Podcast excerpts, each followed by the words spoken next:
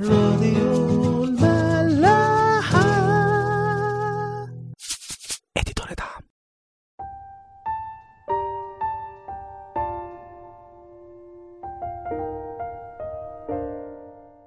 أهلا بيكم في حلقة جديدة من برنامج عيش وملح.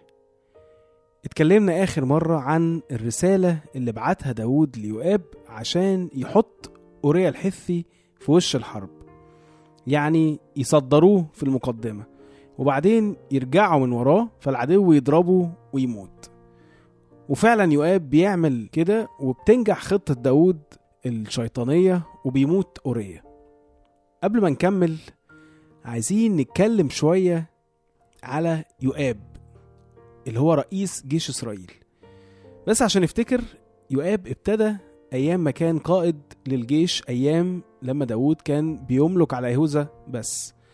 وبقية العشر أسباط كانت تحت حكم إشبوشث اللي هو ابن شاول بقيادة أبنير رئيس جيش إسرائيل. وبعدين في يوم كده حصلت زي خناقة ما بين أبنير والناس بتاعته ويؤاب والناس بتاعته ومات فيها ناس كتير قوي من ضمنهم عسائيل أخو يؤاب وأبي شاي. وكان قتلوا أبنير دفاعا عن نفسه ما كانش حتى عايز يقتله. بعد كده بشوية بيحصل خلاف ما بين إشبوشث وأبنير فأبنير قرر يعمل معاهدة مع داود والعشر أسباط عشان يكونوا كلهم تحت حكم داود يؤاب لما عرف إن داود اتكلم مع ابنير وعزمه على وليمة وبعدين سابه يمشي بسلام غضب جدا وغالبا كمان خاف على مكانه كرئيس للجيش لأنه لو المعاهدة دي تمت هيبقى في اتنين رؤساء للجيش وغالبا ابنير هو اللي هيكون الرئيس عليه. فقرر يستغل فرصة إنه في طار بينه وما بين ابنير اللي هو إنه أبنير قتل أخوه وراح عمل له زي كمين وقتله غدر. داود ساعتها بيحزن جدا وبيتبرأ من دم أبنير وبيحمل الموضوع كله على يؤاب وعيلته. بس ساعتها مش بيعمل حاجة ليؤاب.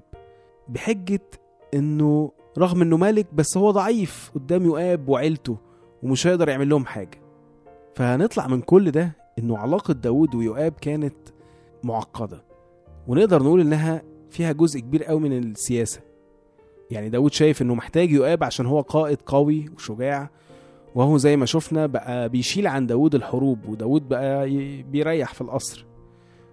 بس داود برضو مش ناسي موضوع أبنير وهيفضل فاكره طول العمر زي ما هنشوف بعد كده.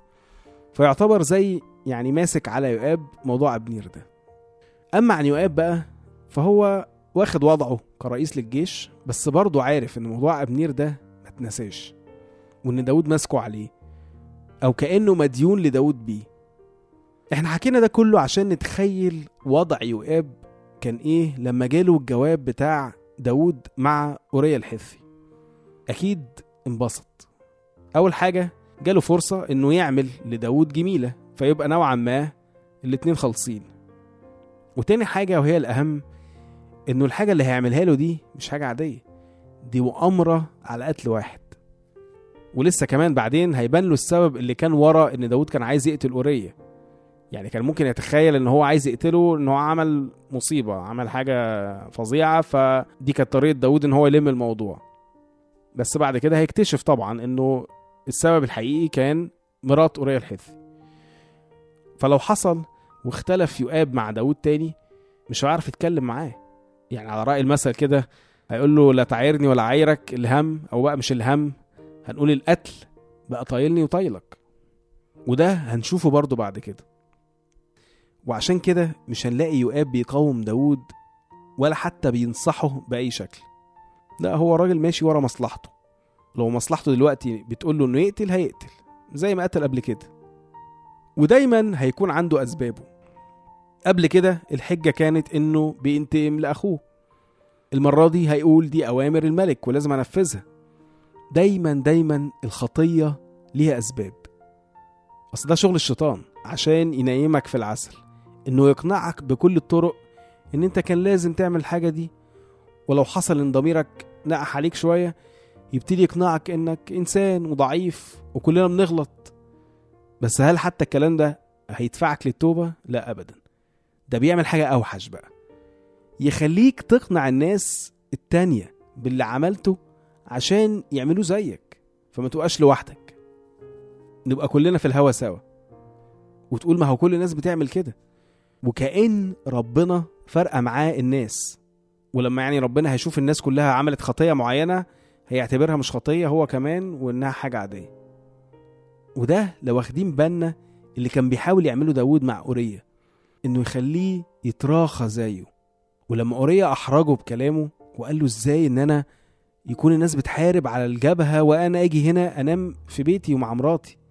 فراح داود مسك فيه يوم كمان واليوم ده بقى أكله وشربه عشان يخليه يسكر فيضعف ويروح ينام في بيتهم. بس برضه أورية فضل عند موقفه ونام على باب بيت الملك مع العبيد. إنما في حالة يؤاب طبعا لا رحب بالخطية. طالما هتصب في مصلحته. مع إنه لو نفتكر لسه الإصحاح اللي فات كان بيقول كلام عظيم جدا لابيشاي أخوه قبل حربهم مع بني عمون ويقول له إننا لازم ندافع عن شعبنا ومدن إلهنا والرب يفعل ما يحسن في عينيه. كلام حلو جدا. بس راح فين ربنا دلوقتي؟ وهو اللي أنت بتعمله ده اللي هيحسن في عينيه؟ بس الحقيقة اللي بيعمله يقاب ده هو اللي معظمنا ممكن يكون بيعمله في حياتنا كل يوم. الفتور ده في علاقتنا بيه. يوم نكون مبسوطين بربنا ونطلبه وبنشكره ويوم تاني نبقى مستعدين نعمل أي خطية ومن غير ما نحس بأي مشكلة بدم بارد يعني زي ما بيقولوا. وده الكلام اللي هنلاقيه ربنا بيقوله لكنيسة اللاوتكيين في سفر الرؤيا صح 3 آيات كلنا عارفينها أعداد 15 و 16 بتقول أنا عارف أعمالك أنك لست باردا ولا حارا ليتك كنت باردا أو حارا هكذا لأنك فاتر ولست باردا ولا حارا أنا مزمع أن أتقيأك من فمي. شوفوا إزاي ممكن نوصل إننا نكون أكتر ناس بتضايق ربنا. يعني ربنا يفضل إننا نكون باردين يعني نبقى بعاد عنه تماما أو حتى غرقانين في الخطية عن إننا نبقى بنجيله بمزاجنا ونسيبه بمزاجنا. يوم نحس إننا عايزينه فنروح له ويوم نحس إننا مستغنيين عنه ونتكبر عليه ونعمل اللي في مزاجنا. بس لازم ناخد بالنا قوي برضو إن كلام ربنا هنا مش متوجه لينا عشان إحنا بنعمل الخطية وبعدين بنتوب عنها. إن شاء الله نكون بنعمل نفس الخطية 100 مرة في اليوم. لا بالعكس ده المسيح يقول لنا إن السماء كلها بتفرح لما خاطي واحد بس بيتوب. لا الكلام ده متوجه للفتور. والفتور هنا حتى مش معناه الفتور الروحي اللي بيعدي علينا مع ربنا. إنما الفتور العام في حياتنا كلها مع ربنا. يعني نكون عايشين حياتين يوم مع ربنا ويوم مع الشيطان. يعني عايشين معاهم معاهم عليهم عليهم. وأكيد كل واحد فينا لما يفكر هيفهم هو مين في دول. فهي دي أكتر حاجة بتزعل ربنا إننا ما يكونش لينا موقف ولا شخصية ولا اتجاه. لا ماشيين كده مطرح ما الموجة تودينا. عمل إيه بقى يؤاب بعد كده؟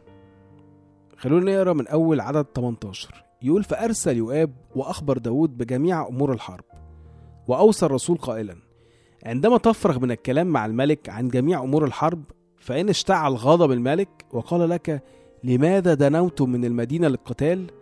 اما علمتم أنهم يرمون من على السور؟ من قتل أبي مالك ابن يربوشث؟ ألم ترميه امرأة بقطعة رحى من على السور فمات في طباس لماذا دنوتم من السور فاهمين؟ يعني هو بيحاول يقول له لما تروح تكلمه وغضب وهو متوقع إن هو يقول له أنتوا إيه اللي خلاكوا تقربوا من المدينة للحرب؟ وبيفكروا بقى بقصة حصلت إحنا قريناها في قضاة تسعة بتاعت واحد اسمه أبي مالك كان رايح يحارب مدينة والمدينة دي كلها احتمت في برج. فهو راح يهاجم البرج ده عشان يحرقه وقرب منه قوي فراحت واحدة ست رامية قطعه رحى زي حجر يعني. من على السور فوقعت على دماغه ومات. فبيقول لهم إزاي؟ أنتوا ما اتعلمتوش يعني من اللي حصل ده إزاي تعمل غلطة استراتيجية بالشكل ده؟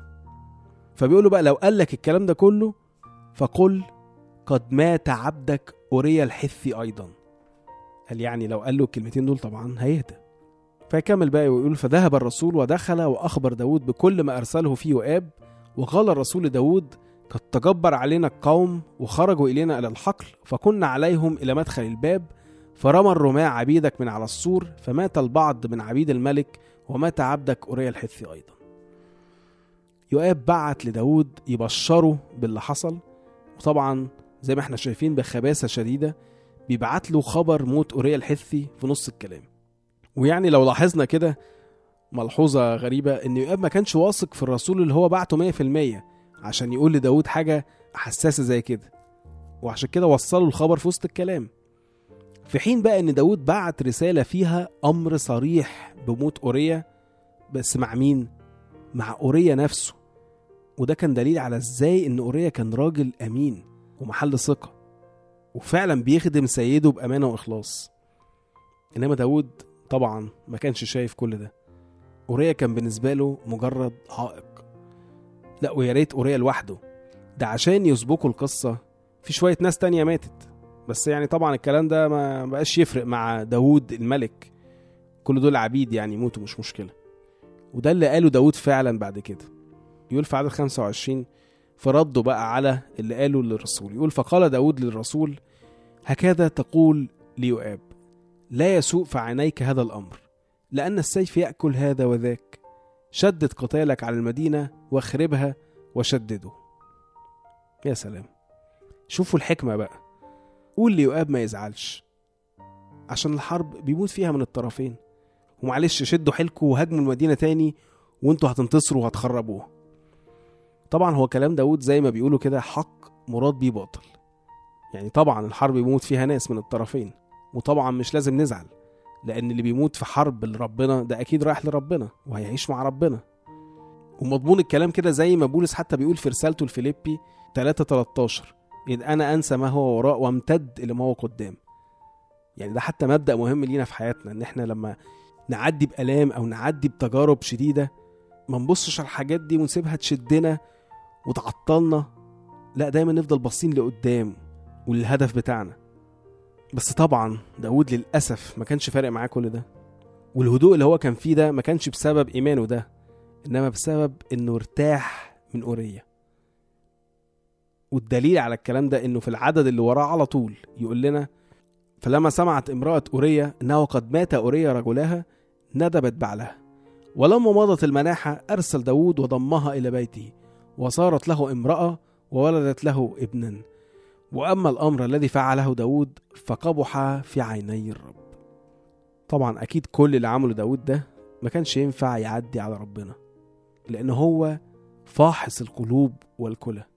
عارفين الآية دي موجودة فين؟ موجودة في مزمور سبعة اللي كاتبه داود بنفسه.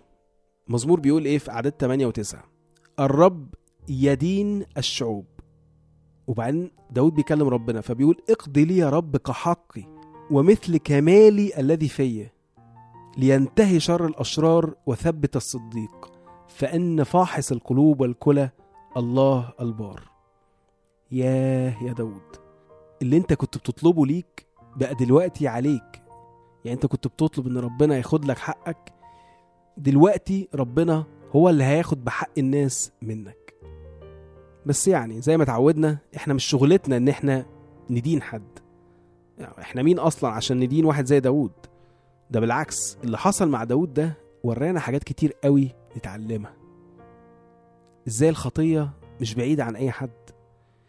إزاي إنها ممكن توصل أي حد مهما كان حتى لو كان زي داود لمراحل صعبة بالشكل اللي إحنا شفناه ده. وإزاي إن مفيش حد مهما كان برضه هيكون بعيد عن عين ربنا وحكم ربنا؟ مفيش استثناءات عند ربنا. ولا حتى لولاده. لا ده يمكن كمان يقرص أكتر على أولاده عشان يأدبهم ويربيهم. لأن الحاجة دي إن كانت ممكن تطلع من حد شرير فهو على الأقل ليه عذر إن هو بعيد عن ربنا. إنما يكون عايش مع ربنا طول عمره وابن ربنا لما تطلع منه حاجة زي كده أكيد ربنا هيتعامل معاه بطريقة مختلفة. وهنشوف برضو ربنا هيتعامل إزاي مع داود في اللي حصل ده. بس في النهاية اللي عايزين نقوله إن كل حاجة بيعملها ربنا كل حاجة هي في الأول وفي الآخر لخلصنا. وأهم حاجة أنا شايف يعني اننا نطلع بيها من كل القصة دي هي الحاجة اللي إحنا قلناها في كل الحلقات إننا ما نديش نفسنا أجازة ابدا من ربنا. ما نتخلصش أو ما نرميش النير بتاع ربنا من علينا. لأن بس في النير ده أو الحمل ده هنلاقي راحتنا. نشوفكم الحلقة الجاية. راديو ملاح.